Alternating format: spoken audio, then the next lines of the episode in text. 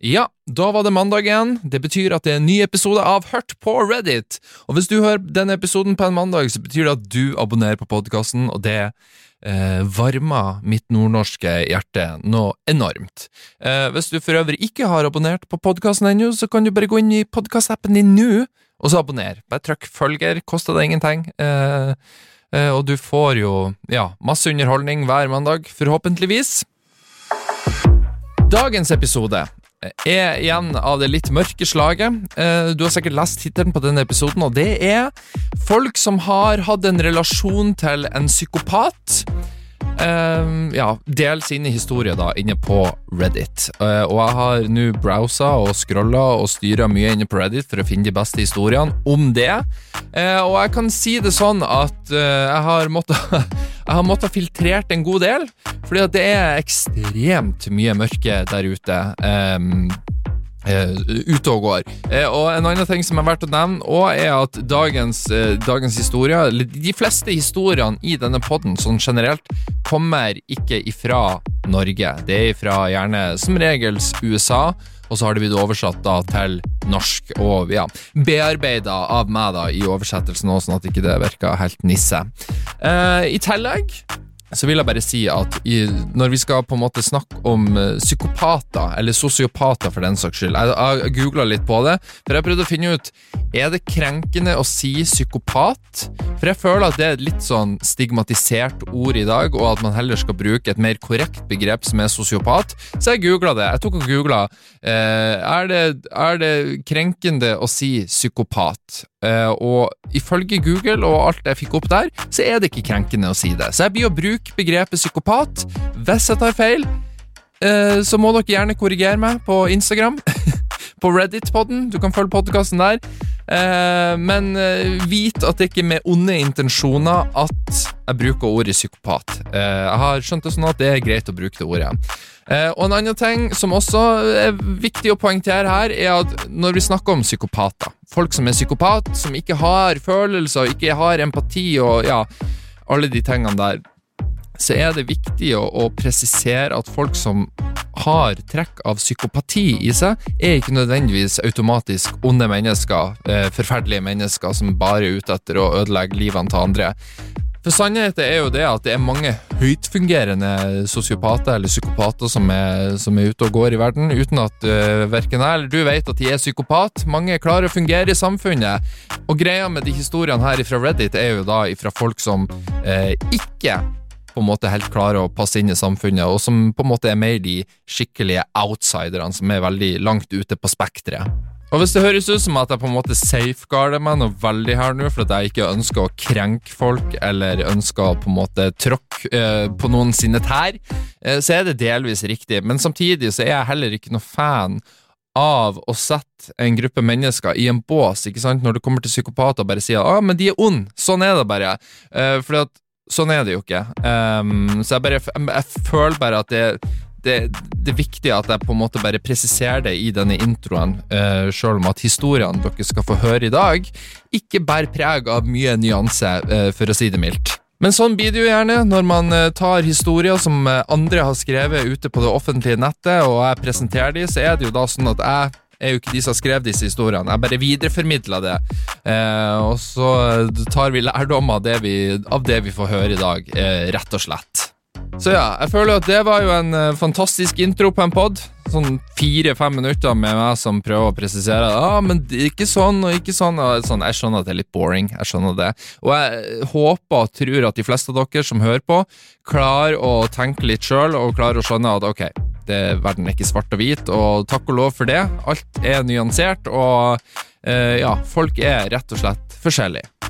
Og nå kan det hende at dere stiller dere uh, spørsmålet Ole, har du deala med noen som er psykopat i ditt liv? Har du noe erfaring fra det? Uh, og mitt svar på det er mest sannsynligvis Uh, nei, ikke som jeg veit. Men eh, Og det, det, blir jo kommet frem en del historier i dag, som sagt, og gjerne en del av de handler om barndommen, og noen har hengt med noen som muligens var psykopat. Eh, og for min egen del, jeg gikk jo barne- og ungdomsskoler i ei lita bygd um, oppe i Nord-Norge, og der var det en i klassen som var veldig utagerende, husker jeg. som sagt, jeg skal ikke label han psykopat, for det er jeg nemlig ikke sikker på at han er. Men det var, det var en del ting som skjedde i min barndom, som, altså med han, da, som gjør at jeg tenker at ja, kanskje Kanskje han er psykopat. Eh, men ja, nei, jeg skal ikke utlevere noen historie om noen fra mitt liv, for jeg tenker at um, ja, jeg vet ikke, jeg ønsker ikke å utlevere noen sånn generelt, egentlig. Um, så jeg har dessverre ikke noe sånn personlig historie å komme med i dag. Og så vidt jeg vet, så er ikke jeg heller en psykopat. Selv om at det er sikkert Sikkert enkelte der ute som vil eh, gjerne hoppe på den konklusjonen når de ser trynet mitt. Men eh, ja, nei, så vidt jeg vet, så er jeg ikke det. Eh, men ja, når det er sagt, så foreslår jeg at vi setter i gang med denne ukas episode, som er da folk som har hatt en eller annen relasjon til psykopat. Fortell din historie. Og de historiene, de skal vi høre på nå. Og dagens første Reddit-post eh, handler om en fyr som fikk et barn som ikke var planlagt, og det barnet eh, ja, har kanskje eh, litt issues, for å si det mildt.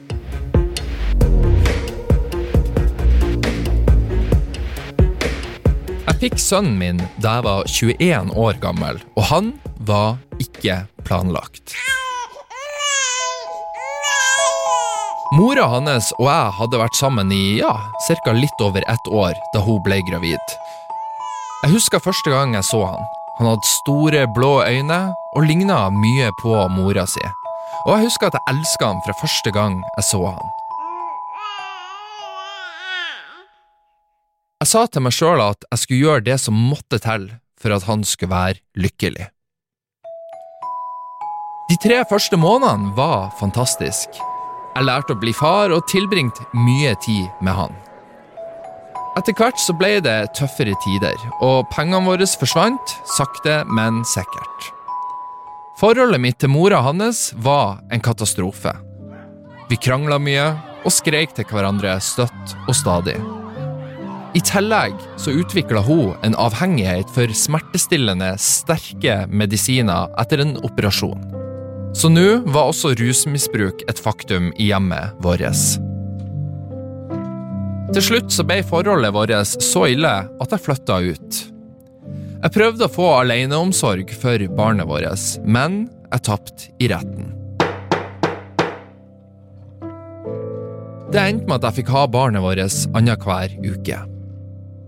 Han var et normalt barn, du vet, den typen som liker Pokémon og gaming.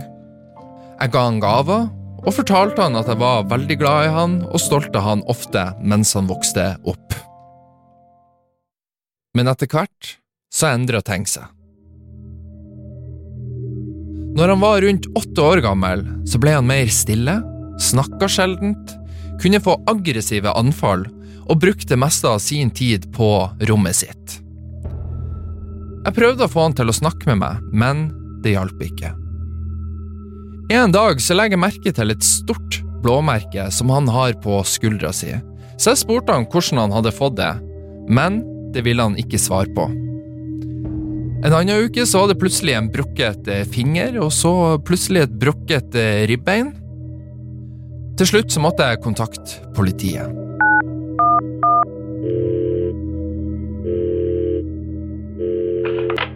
911, what is your emergency? Etter hvert kom det fram at mor var voldelig mot han, men politiet gjorde så å si ingenting. Jeg fikk endelig full omsorgsrett for han da han var tolv år gammel, ettersom mora hans tok for mye smertestillende medisiner og i tillegg prøvde å sette fyr på leiligheta si.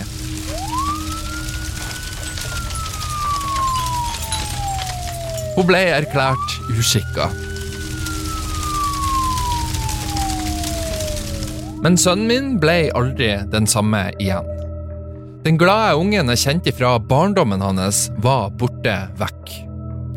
Jeg prøvde å skaffe han hjelp, men han stakk av. Da han gikk gjennom ungdomsårene, så så jeg mindre og mindre til han. Og han begynte å henge med, ja, mildt sagt, shady folk som var involvert i rusmiljøet. Jeg gjorde det jeg kunne for å få han ut av dette miljøet, men til ingen nytte. Han hata meg, og jo mer jeg fortalte han at jeg var glad i han, jo mer forakta han meg. Da han var 18 år gammel, så fant jeg heroinnåler på rommet hans. Og da jeg spurte han om det, så trakk han en kniv mot meg, og så kalte han meg for et Jævla svin! og stakk av. Han kom aldri hjem igjen.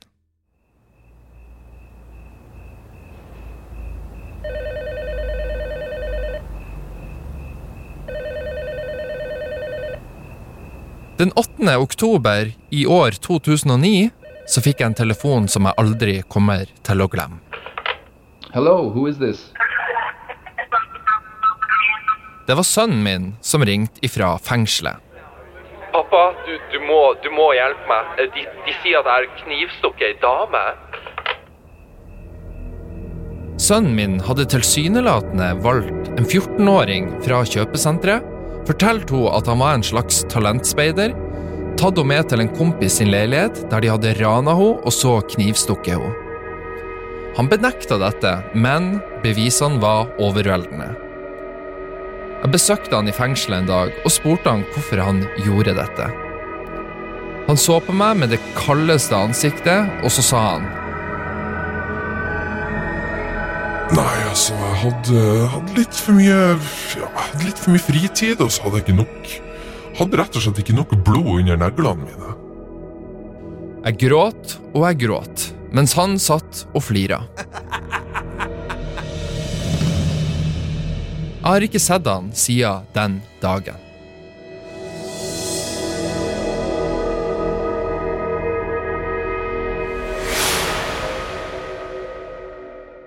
Først og fremst så syns jeg det er så sjukt at det var liksom Mora måtte altså prøve å sette fyr på leiligheta de bodde i, før far faktisk fikk omsorgsretten for sønnen sin.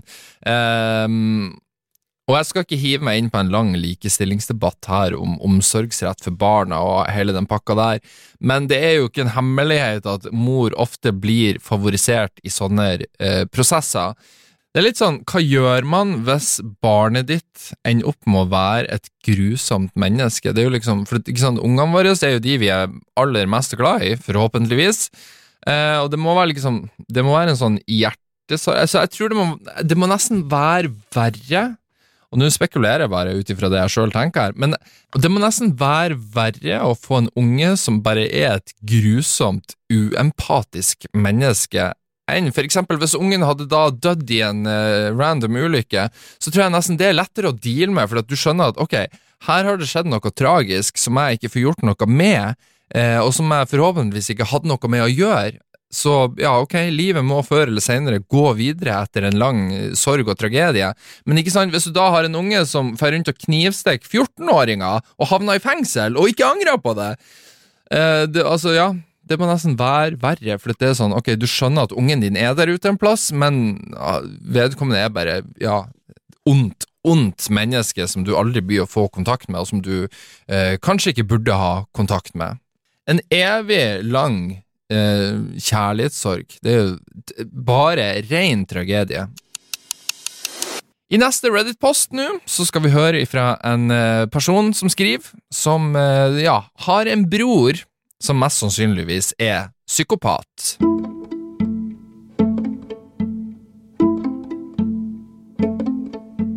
Jeg drev og leka med en koffert mens jeg så på TV. Broren min, nesten fire og et halvt år eldre enn meg, så hva jeg holdt på med, og spurte om å få zippe meg inn i kofferten. Etter allerede å ha lært å aldri stole på han, så jeg mamma om å passe på oss for å sikre at han ikke gjorde noe dumt. Han la meg inn i kofferten og zippa den igjen.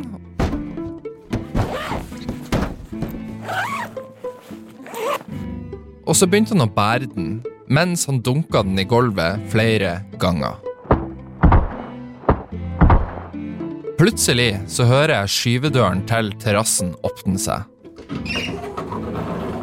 Og mora mi begynte å skrike og hoie, og jeg kunne høre at hun slo broren min gjentatte ganger.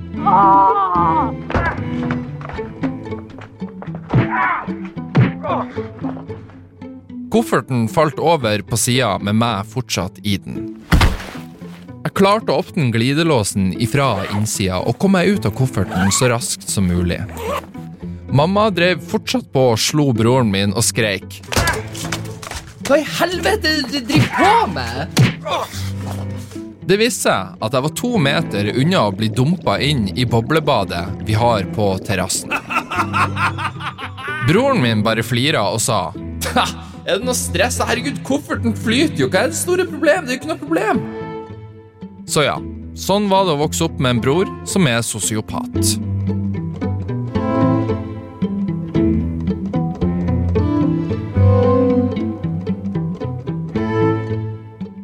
Jeg skjønner jo at mora her reagerer, eh, noe som ei mor skal gjøre hvis du er i ferd med å bli dumpa i en koffert i masse vann, og potensielt drukten.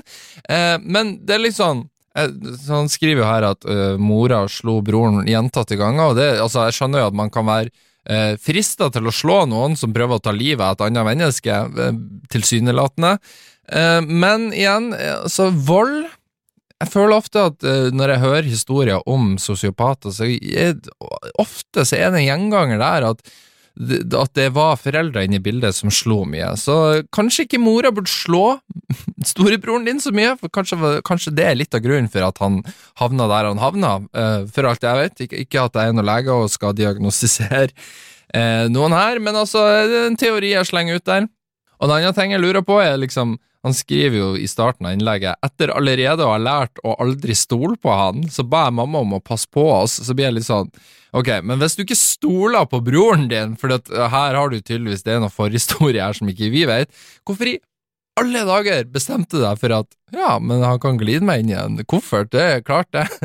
Det er jo uh, det er jo en lek som ingen får noe ut av. Altså, Jeg skjønte hvis det eksempel var et svært traktorhjul, eh, og nå skal jeg ta en historie fra min egen barndom her, men vi pleide å lage mye sånne YouTube-filmer når jeg var barn. Det var akkurat da når YouTube på en måte var eh, ute på Så kom den på internett, og du kunne laste opp videoer. Det var jo kjemperevolusjonerende. Herregud, kan alle se det? Og jeg trenger ikke å betale for å eh, laste opp på YouTube. Det er jo helt fantastisk.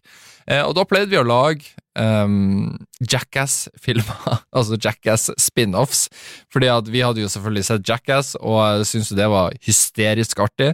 Så en kompis av meg tok og la seg i et sånt traktorhjul, sånn svært, og så har du du har jo på en måte ikke eh, Felgen er jo ikke is, det er jo bare et eh, dekk, på en måte.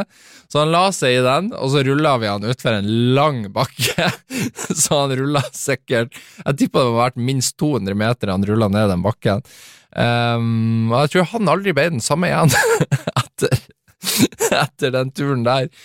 Uh, så jeg skjønte hvis det var traktorhjul det var involvert å rulle noen ned en bakke. Det er kjempegøy, det. Men uh, ja, hvis du skal hive noen i en koffert for å så hive de i masse vann, uh, ikke gjør det. Så nå har vi hørt om en bror som er sosiopat, så la oss gå over til det andre kjønn. La oss høre om ei søster som er sosiopat. Eller psykopat. Jeg, jeg blander de begrepene. Jeg beklager, jeg blander de. Innimellom så sier jeg sosiopat, og noen ganger så sier jeg psykopat. Det, sånn er det bare. Men eh, vi, skal, vi skal stå han av.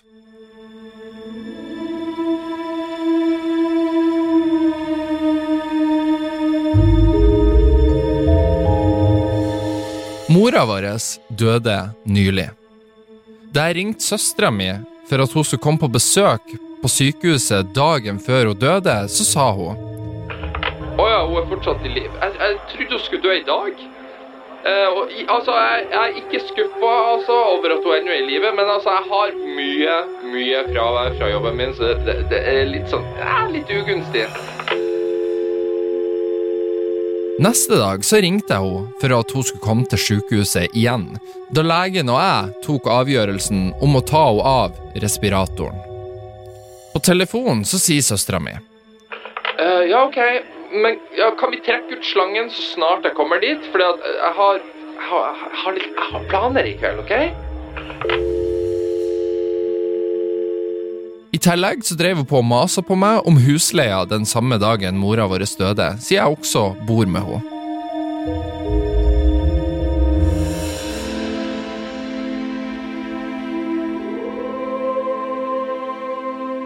Kanskje søstera di bare er veldig, veldig dedikert i jobben sin, og ønsker å være så mye på jobb som mulig, har du tenkt på det? Kanskje du stikker en kjepper i hjulene for hennes fremtidige karriere, har du tenkt på det?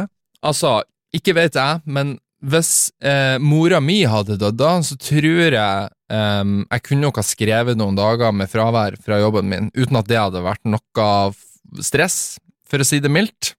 Og så tar jeg meg sjøl og tenker liksom innimellom på noen av de historiene her, så tenker jeg sånn, ja ok, men er de psykopat, eller er de bare ekstremt eh, egoistisk og tar lite hensyn til andre? Men så slår det meg jo da at ok, men det er jo, mm, det er jo noen av definisjonene for å være en psykopat, så eh, ja da, de er mest sannsynligvis en psykopat, og det er nok denne søstera her òg. Eventuelt så hadde hun bare et ekstremt dårlig forhold til eh, mora si, men altså, det får da være måte på hvor dårlig forhold man skal ha til foreldrene sine. Man kan i det minste eh, besøke de når, når de ligger for døden, tenker jeg.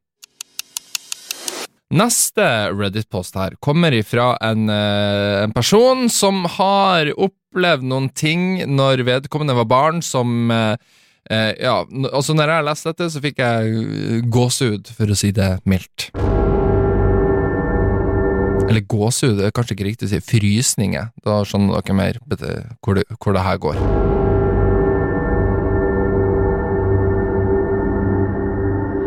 Jeg husker fra en veldig ung alder at mamma bare kunne stå i inngangen på rommet mitt midt på natta med en kniv.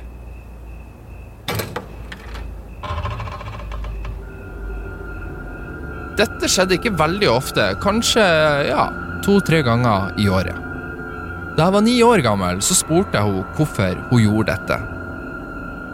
Jeg kommer aldri til å glemme hvordan hun sa dette. Hun så meg rett i øynene og sa at det var en feiltagelse, og at hun vurderte om hun skulle quote, skulle gjøre det hun skulle ha gjort for lenge siden. Jeg spurte om å få flytte inn hos bestemora mi en uke seinere.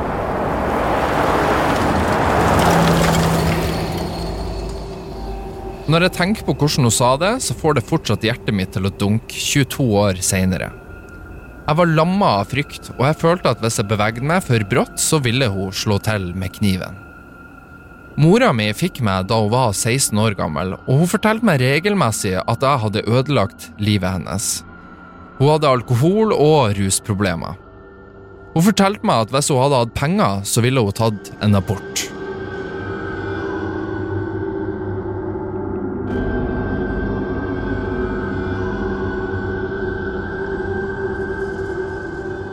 Kjære vene, det her er jo oppskrifta på en eh, tidenes eh, grøsserfilm. Og tro å våkne opp på natta med at en forelderen din står der med en kniv, og liksom, de står der liksom og, og på en måte reflekterer ved seg sjøl. Hm, skal jeg knivstikke ungen min, eller skal, la, skal jeg prøve litt til? Det er helt sinnssykt, og så skriver jo vedkommende her Dette skjedde ikke veldig ofte, kanskje to-tre ganger i året. To-tre ganger i året, det er for mye. Det, det, altså, Ideelt sett så er det null ganger at foreldrene din står i døråpninga di med en kniv og vurderer å drepe deg. Det føler jeg, det, det, er, ikke, en- det, en brannfakkel inn i denne historien her å, å, å, å påstå det. Det er helt det er helt sinnssykt, altså, for en eh, så absurd opplevelse. Det er sånn, Man skulle ikke tro at sånne her ting skjedde eh, i virkeligheten, men ja, dessverre. Det viser jo at det skjer jo faktisk enda verre ting i virkeligheten. Det ser vi jo nå i verden i dag. Uten at jeg skal gå nærmere inn på det. La oss prøve å holde denne podkasten litt eh, Skulle ikke si light-hearted, men det, det blir den jo ikke i denne episoden her. Men eh, ja, uansett. Man skulle kanskje tro at det er vanskelig å være et menneske når du er rundt en psykopat. Eh, Du kan jo bli utsatt for ting, men heldigvis, det er ikke bare oss mennesker dette går utover. Eh, Nå skal vi høre eh, en Reddit-post her om noen som, et, eh, som har et kjæledyr. My kitty cat, my, my kitty cat. She is my best buddy. Jeg tror vi har en psykopat i familien vår. Han tilbød seg å drepe katta mi for meg, sånn at jeg slapp å måtte betale for det hos en veterinær. Men eh, katta mi var verken syk eller gammel. Han var bare veldig entusiastisk med å hjelpe oss med dette ja, såkalte problemet. Dette var faktisk ikke den første hendelsen heller. På en familiesamling så tok han med seg familiens hund på tur. Han kom tilbake med en gjennomvåt hund. Det her var i desember, og han hevda at hunden hadde jaga et ekorn inn i elva. Folk eh, trodde ikke helt på den historien. Tru det eller ei. Han har også en tendens til å bare forlate eh, samlinger uten å fortelle noen om det. Søv i hagen i stedet for på sofaen, og han blinker sjeldent med øynene. Han er generelt sett litt rar.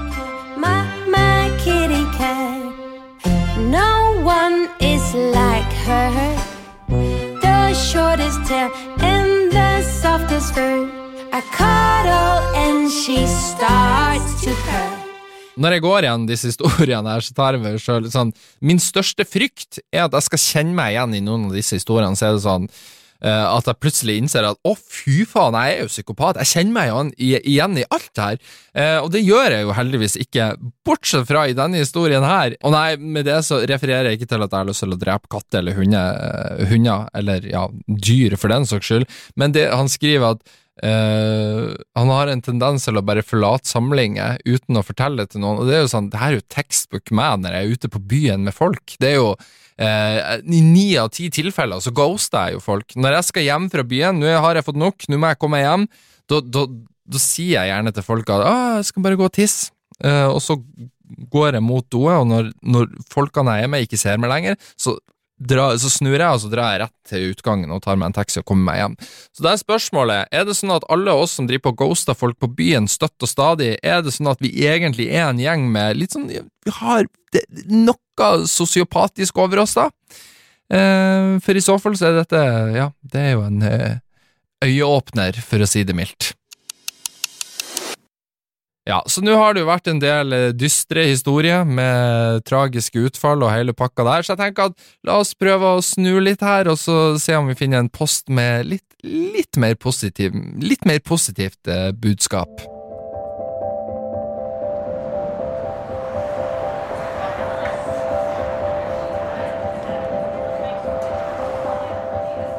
Jeg har vært kompis med en sosiopat i lang tid. Han er ærlig talt som en bror for meg.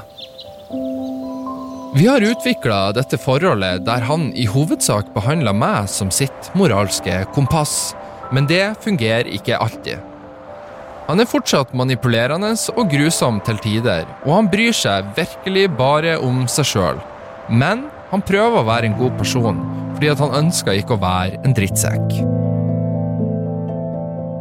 Når det er sagt, så tror jeg mitt mest ubehagelige øyeblikk med han må være den gangen han fortalte meg om da han så en fyr nesten dø. Han fortalte meg hvordan han var klar over at han burde ha slutta å bare stå og se på og hjulpet han istedenfor, men han var for interessert i å se hva utfallet ville være hvis han ikke hjalp.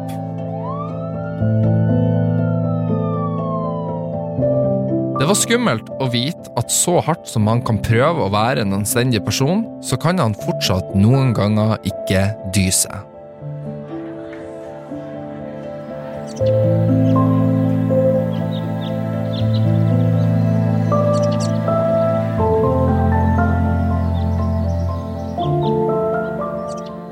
Og dette er jo litt av greia med det å være en psykopat eller en sosiopat, når når du er klar over det. Det er jo det at jeg tipper jo de fleste som opplever dette, de ønsker jo ikke å være en psykopat. De ønsker jo ikke å være onde mennesker. Jeg tror, mitt, altså Naive meg tenker jo egentlig at det er ingen i hele verden som bevisst ønsker å være eh, en ond person. Det, det tror jeg faktisk 100% på. Så det må være kjipt å, å på en måte få et liv der du på en måte må bruke hele livet på å tilpasse samfunnet og prøve å passe inn så godt som overhodet mulig, selv om at du innerst inne skjønner at det blir du nok mest sannsynligvis ikke å fortelle helt 100% Og så er det jo hyggelig han som skriver innlegget og stiller seg så disponibel for å være eh, en sosiopat sitt mor moralske kompass. Det høres egentlig ut som en god bok. Eh, den ville jeg, jeg ville ikke ha lest den, men jeg ville ha lasta den ned som lydbok, i det minste.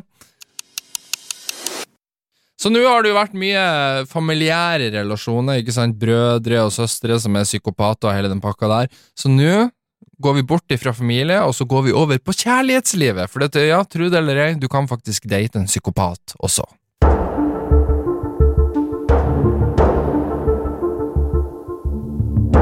Jeg data en person som jeg nå tror er en sosiopat.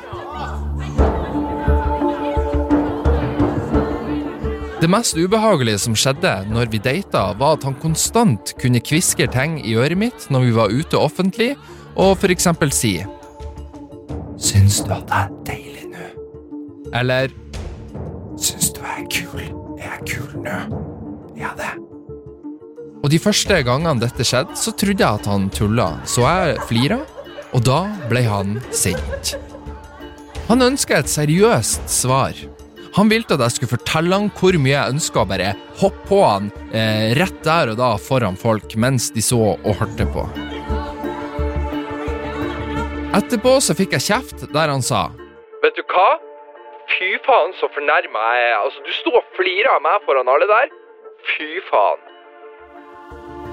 Han kunne også gråte på kommando for å få det han ville, og så snart han fikk det han ville, så kunne han umiddelbart snu om humøret til å bli veldig seriøs og fortelle meg at jeg er en forferdelig person. Da han slo opp med meg, så gikk jeg fra å være hans favorittperson i verden til øyeblikkelig å være helt nederst på lista hans. Han flira når jeg gråt ved flere anledninger og kalte meg for en skam. Det som er veldig alarmerende med folk som han, er hvor mange mennesker de kan få på sin side med sin sjarm. Ingen av hans nåværende venner vet noe om hans oppførsel bak lukka dører.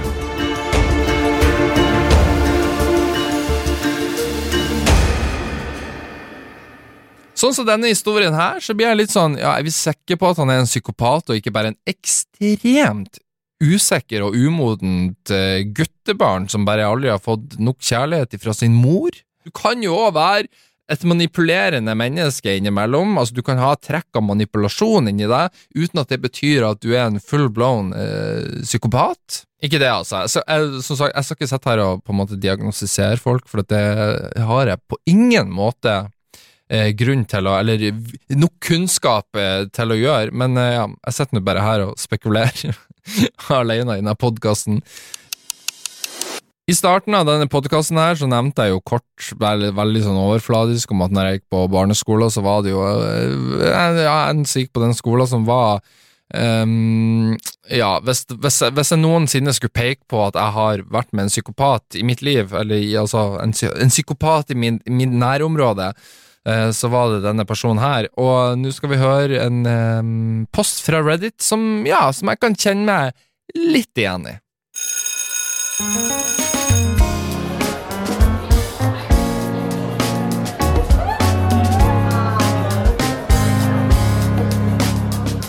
Jeg gikk på ungdomsskolen med en demon. Han hadde et tomt blikk, og man kunne merke på hele han at noe var galt. Han kunne finne på å provosere folk så til de grader til at de angrep han, og så banka han dritten ut av de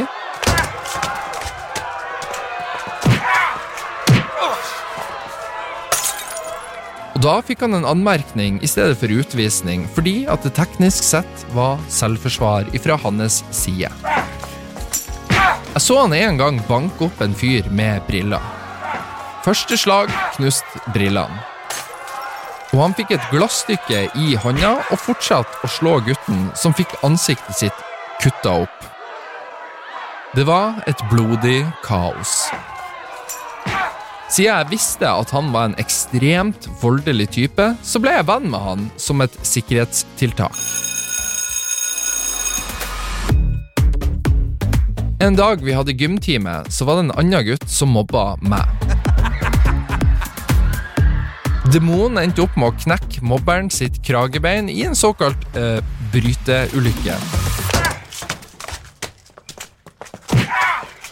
Demonen endte opp med å knekke mobberen sitt kragebein i en ulykke i gymtimen. Siste dagen jeg noensinne så han, så løp vi nedover gangen for å gå ned trappene på skolen. Og da snubla han ei jente med MS, sånn at hun falt ned trappene. Og så sto han over henne, og så flira han. Heldigvis så, så en lærer dette, og han ble utvist og fjerna ifra skolen for alltid.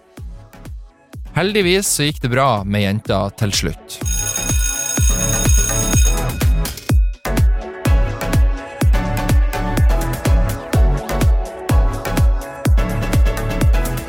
Ja, og her, altså, misforstå meg rett, det var ingen på min skole som snubla jenter med multipel skler sklerose, ikke det det het? Det skal jeg faktisk google før jeg uttaler meg noe mer her, skal vi se. Multiple sklerose, det er riktig det. Eh, nei, det var Nå var det jo for så vidt ingen med MS som gikk på barne- og ungdomsskolen min, da, det skal sies, men jeg tror ingen ville ha snubla en person med det uansett, det var ikke så ille, altså. Eh, men her er jeg enig. Her her snakker vi om en psykopat, for du må være totalt psykopat hvis du driver på og snubler folk som, er, som har et handikap, tenker jeg.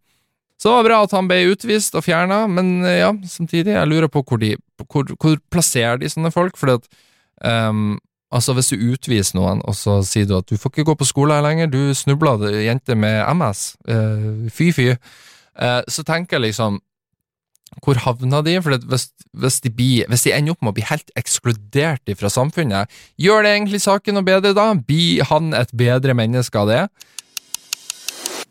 Nå er vi altså så godt i gang her at jeg foreslår at vi bare hiver oss over til neste historie, og det handler om eh, Ja, jeg kan si at ordet adopsjon dukka opp i denne historien her.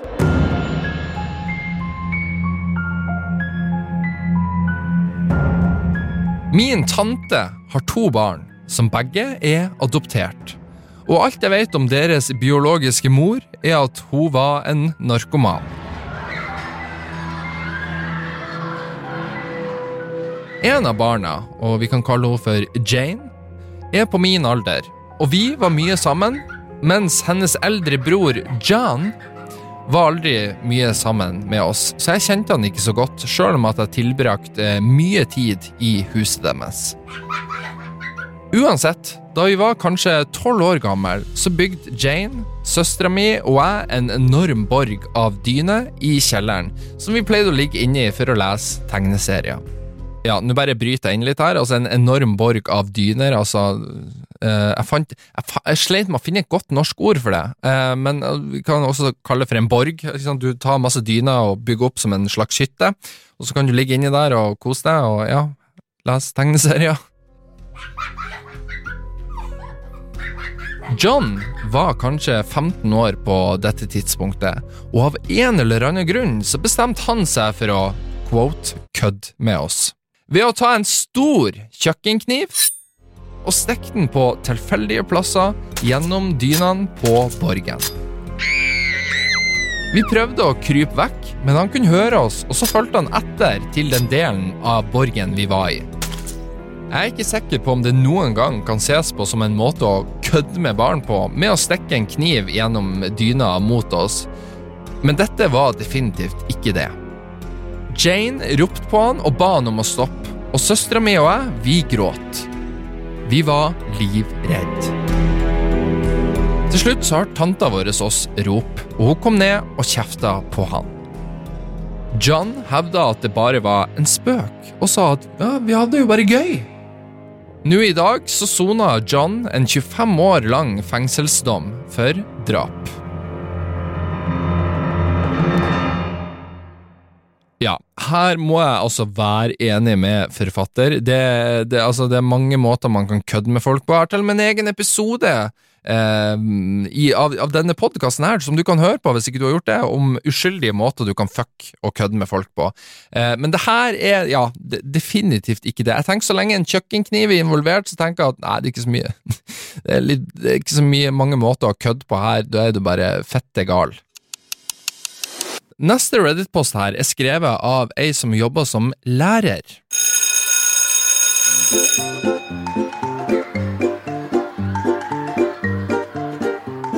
Jeg jobber som lærer for en førsteklasse på barneskolen. I denne klassen så har jeg en gutt på omtrent syv år som er rødhåra, lubben, men en ganske sjarmerende liten fyr. I en skoletime så sitter han der, ganske stille på pulten sin. Jeg ser nærmere på han, og så ser jeg at han trykker sakte, men sikkert spissen til blyanten sin inn i toppen av handa si. Deretter så løfter han blyanten for å se inntrykket den har laga i huden. Han gjør dette flere ganger, og så trykker han litt hardere hver gang. Etter hvert så ser han over på ungen ved sida av seg, som sitter helt stille og skriver i arbeidsboka si. Han hadde ene hånda flatt på pulten sin. Og da, plutselig Han stikker blyanten inn i toppen av den andre gutten sin hånd. Det skrikes øyeblikkelig fra den stakkars lille fyren som plutselig har en blyant solid stående opp ifra huden sin på handa si. Og den lille rødhåra gutten sitter der og ser litt forvirra ut på gråten, men eh, ellers stort sett helt fornøyd.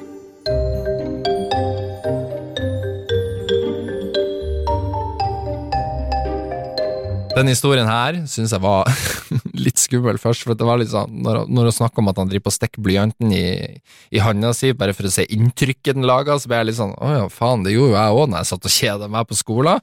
Eh, det tror jeg de fleste gjorde.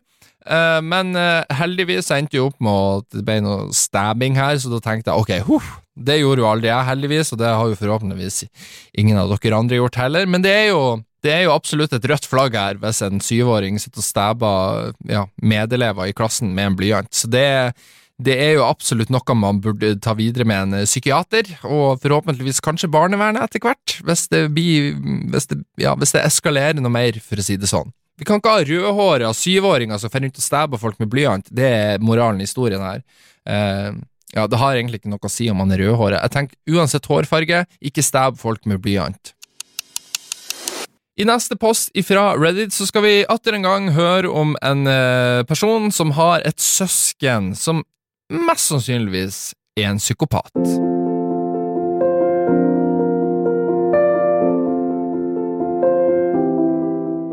Min bror er en psykopat, selv om han aldri har fått en formell diagnose.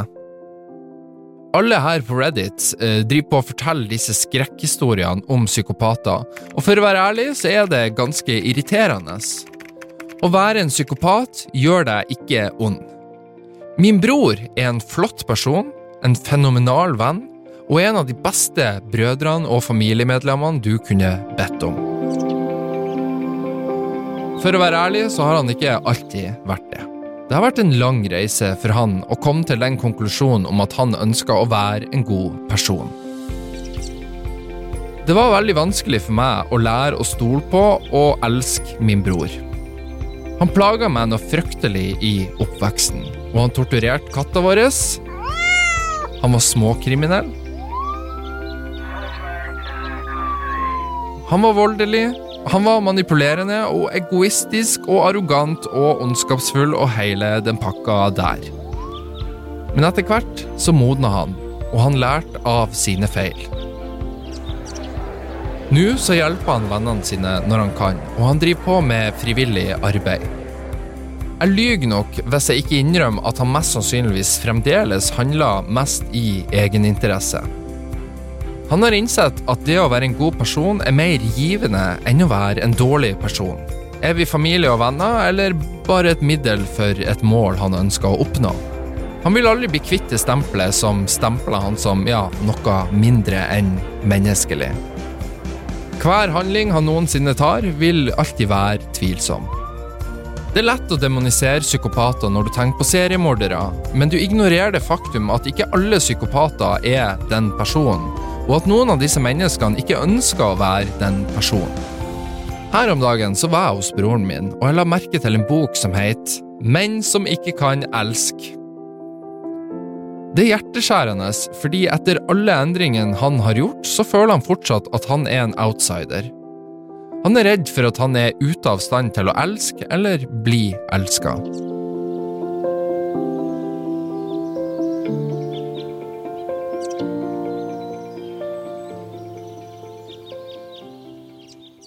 Det her er jo også et innlegg som jeg føler nyanserer hele denne psykopat-tematikken litt. At ikke alle nødvendigvis må uh, være ondskapsfulle, jævlige mennesker. Men en annen ting jeg også tenker på når jeg, når jeg leser dette, er jo når det, når det, kommer, altså når det handler om Hvis du gjør en god gjerning, gjør du dette av kun egeninteresse, eller gjør du det fordi du genuint ønsker å hjelpe noen? Eh, og da lurer jeg egentlig på, sånn, hvis jeg skal være litt kynisk på det, så lurer jeg sånn, spiller det egentlig, egentlig noen rolle?